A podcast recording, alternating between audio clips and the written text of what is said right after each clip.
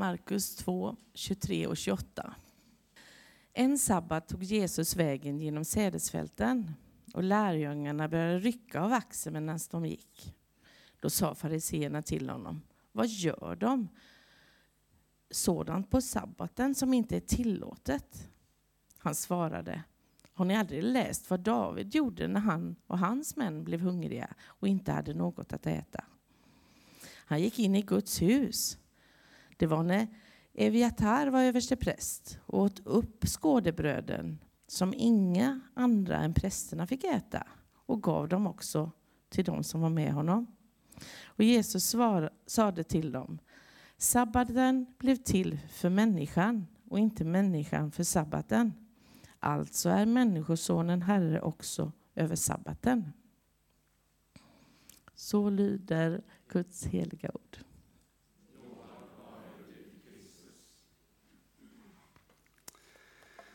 Ja, ja den var hämtad från Markus evangeliet den här texten. Och eh, ibland så symboliseras Markus som ett eh, lejon. Jag vet inte om ni har sett det någon gång. Eh, och det har sin orsak i en vers i Uppenbarelseboken. Eh, Uppenbarelseboken kapitel 4, vers 7. När Johannes, evangelisten Johannes får en syn Eh, där han får liksom komma upp i himlen och se den himmelska gudstjänsten som pågår samtidigt som vi har gudstjänst här. Eh, och då står det så här i den versen, att han får se fyra varelser. Den första varelsen liknade ett lejon, den andra en ungtjur, den tredje hade ett ansikte som en människa och den fjärde liknade en flygande örn. Och då har man tidigt i kyrkans historia tolkat det här som de fyra evangelisterna.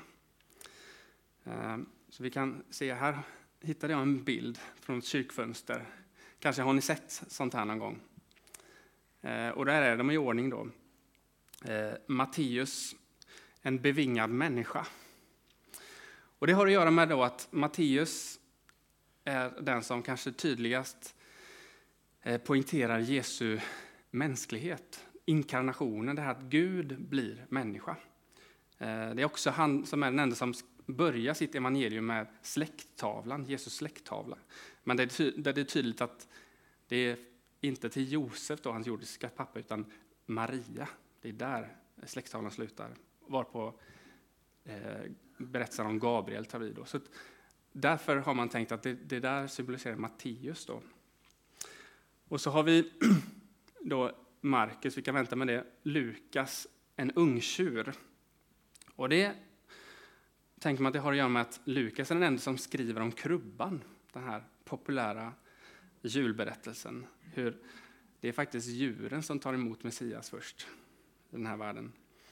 Eh, och det är också han som skriver om templet, eh, hur Jesus bars fram i templet. Och, eh, ungtjuren var ju ett offerdjur. Eh, det är också i Lukas som Sakarias lovsång, mycket fokus på Johannes döparens födelse och eh, Johannes döparens pappa Sakarias som var präst. Och ungtjuren är också väldigt kopplad till det här med präst. När en präst invigdes så offrades en ungtjur. Så där har vi Matteus då. Eller Lukas menar jag. Och så Johannes örnen. Örnen som kan på två kilometers höjd se med detaljnivå nere på jorden.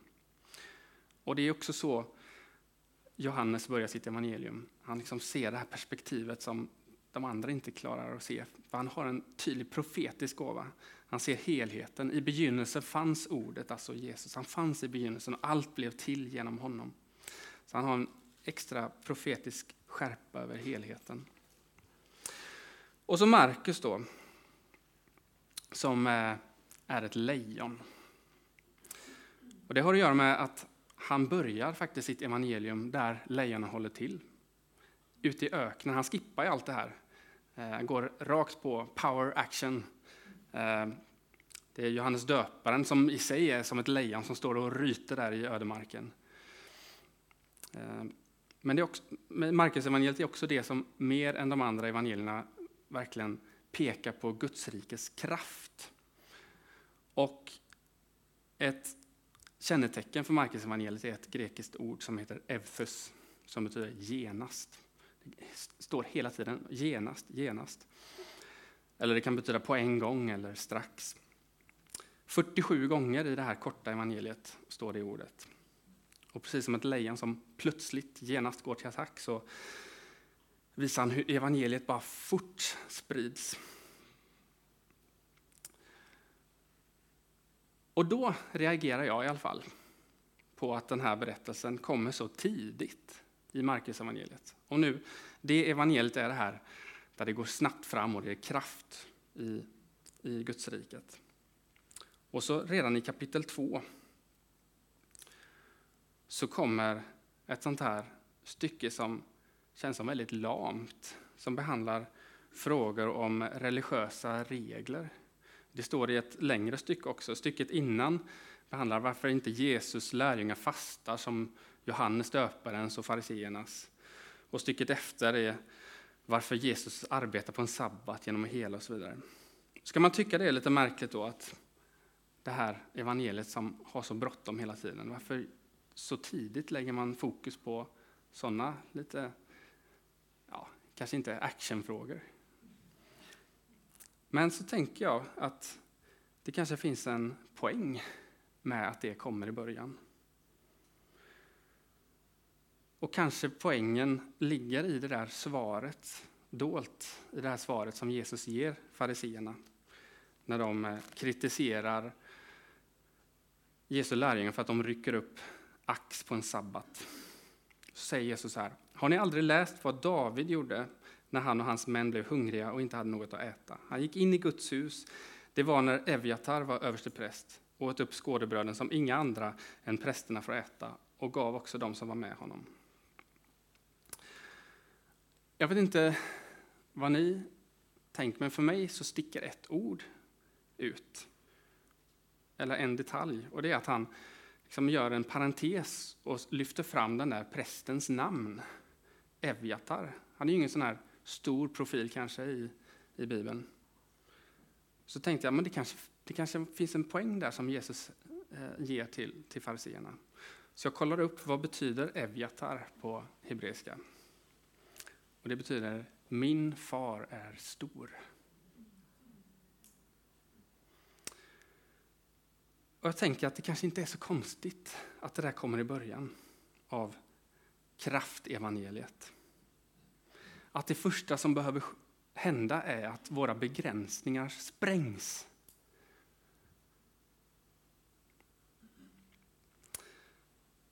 Herrens ande är över mig, han har smort mig till att frambära ett glädjebud till de fattiga. Han har sänt mig att förkunna befrielse för de fångna och syn för de blinda och ge dem förtryckta frihet, där har vi dagens tema, och förkunna ett nådens år från Herren.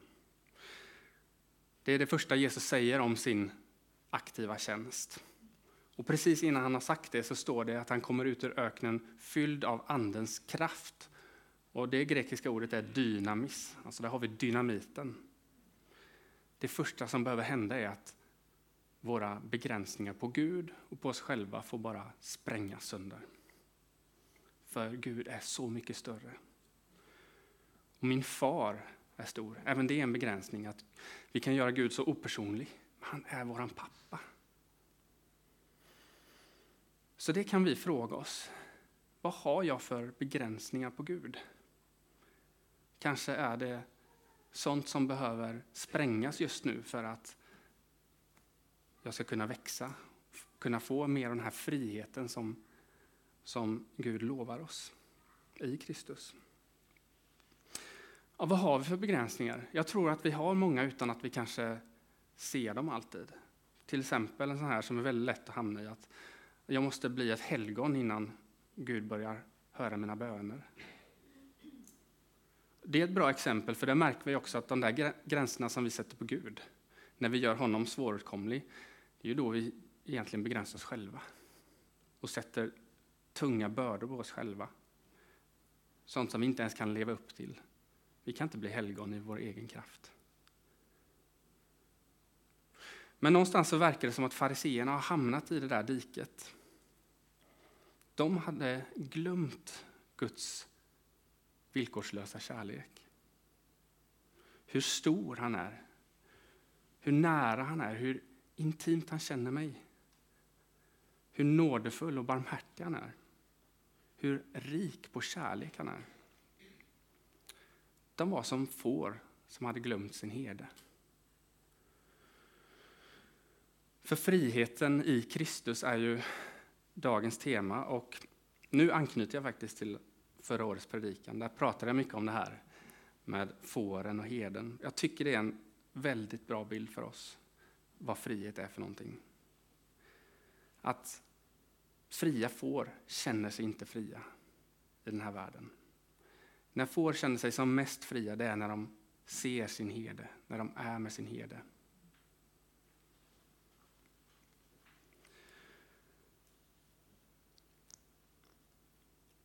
När de ser den som älskar dem, den som beskyddar dem.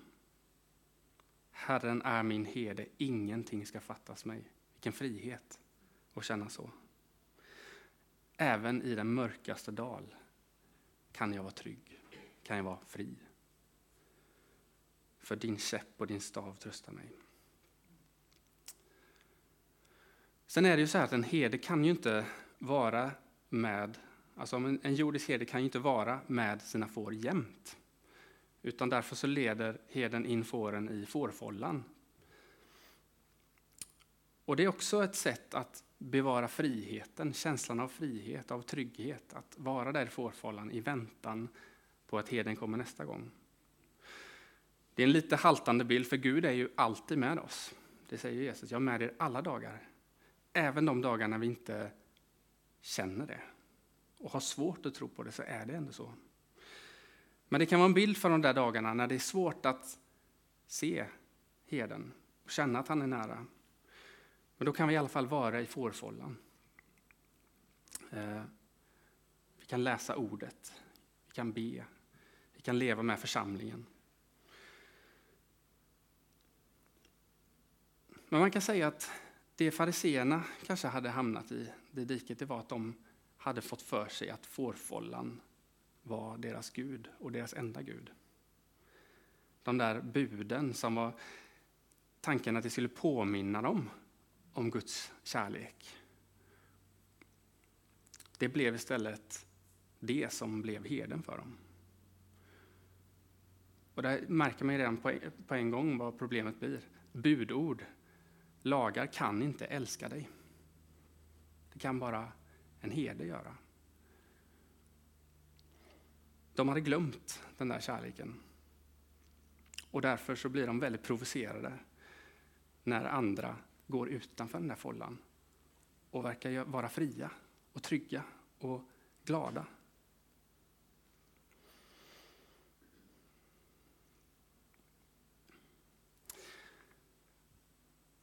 Med detta vill jag alltså säga att jag tror att det är bra att ha en fårfålla.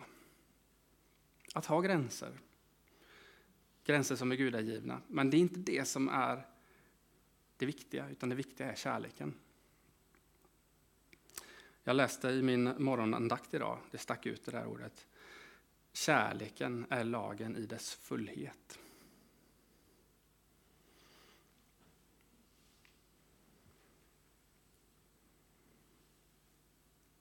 Men det måste börja där, tror jag, för att fårfållan ska vara vad den är att det börjar med kärleken. Och när Gud leder ut sitt folk i frihet, om vi tar berättelsen om Egypten. Det första som han ger dem är ju bud. För att de ska leva fria. Och det slog mig för några år sedan när jag läste de här buden, som kan låta ganska hårda, att det börjar med Jag är Herren din Gud som förde dig ut ur slaveriet. Alltså pekar på Jag är frihetens Gud och så kommer budet. Och det är ganska tydligt att de första tre buden är det som kommer göra att de andra också fungerar. De buden, de första buden har med heden att göra. Ha inte någon annan herde än mig. Alltså, ha inte någon annan Gud. Missbruka inte hedens namn. Kom ihåg mitt namn. Jag är kärleksfull, jag är nådefull, jag har bara goda tankar för dig. Och så det tredje budet som faktiskt också har med hedens kärlek att göra. Tänk på vilodagen. Det vill säga en påminnelse, tro inte att du kan förtjäna din plats hos mig genom att arbeta. Påminn dig om att det finns en kärlek redan innan du kavlar upp ärmarna. Och det är den kärleken som är den viktigaste. Släpp alla måsten och borden.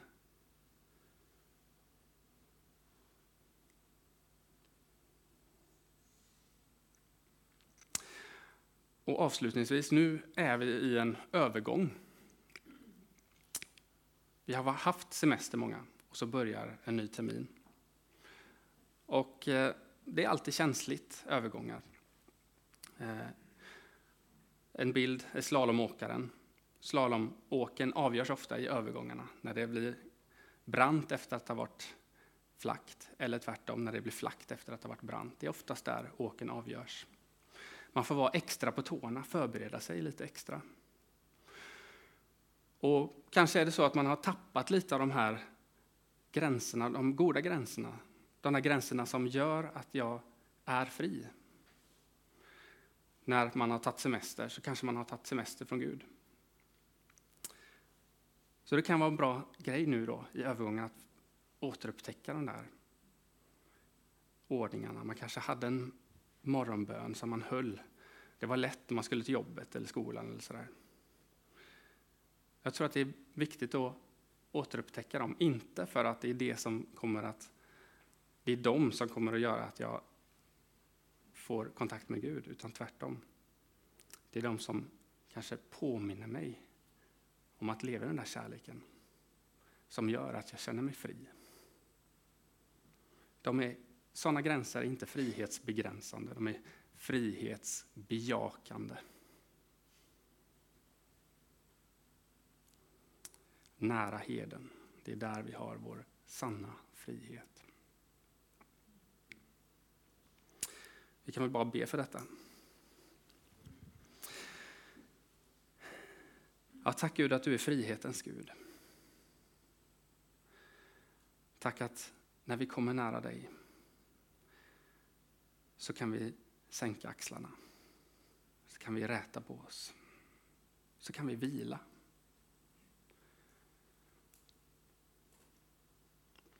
Hjälp oss att hitta ordningar som gör att vi kan vila också när vi arbetar. Vila i din kärlek.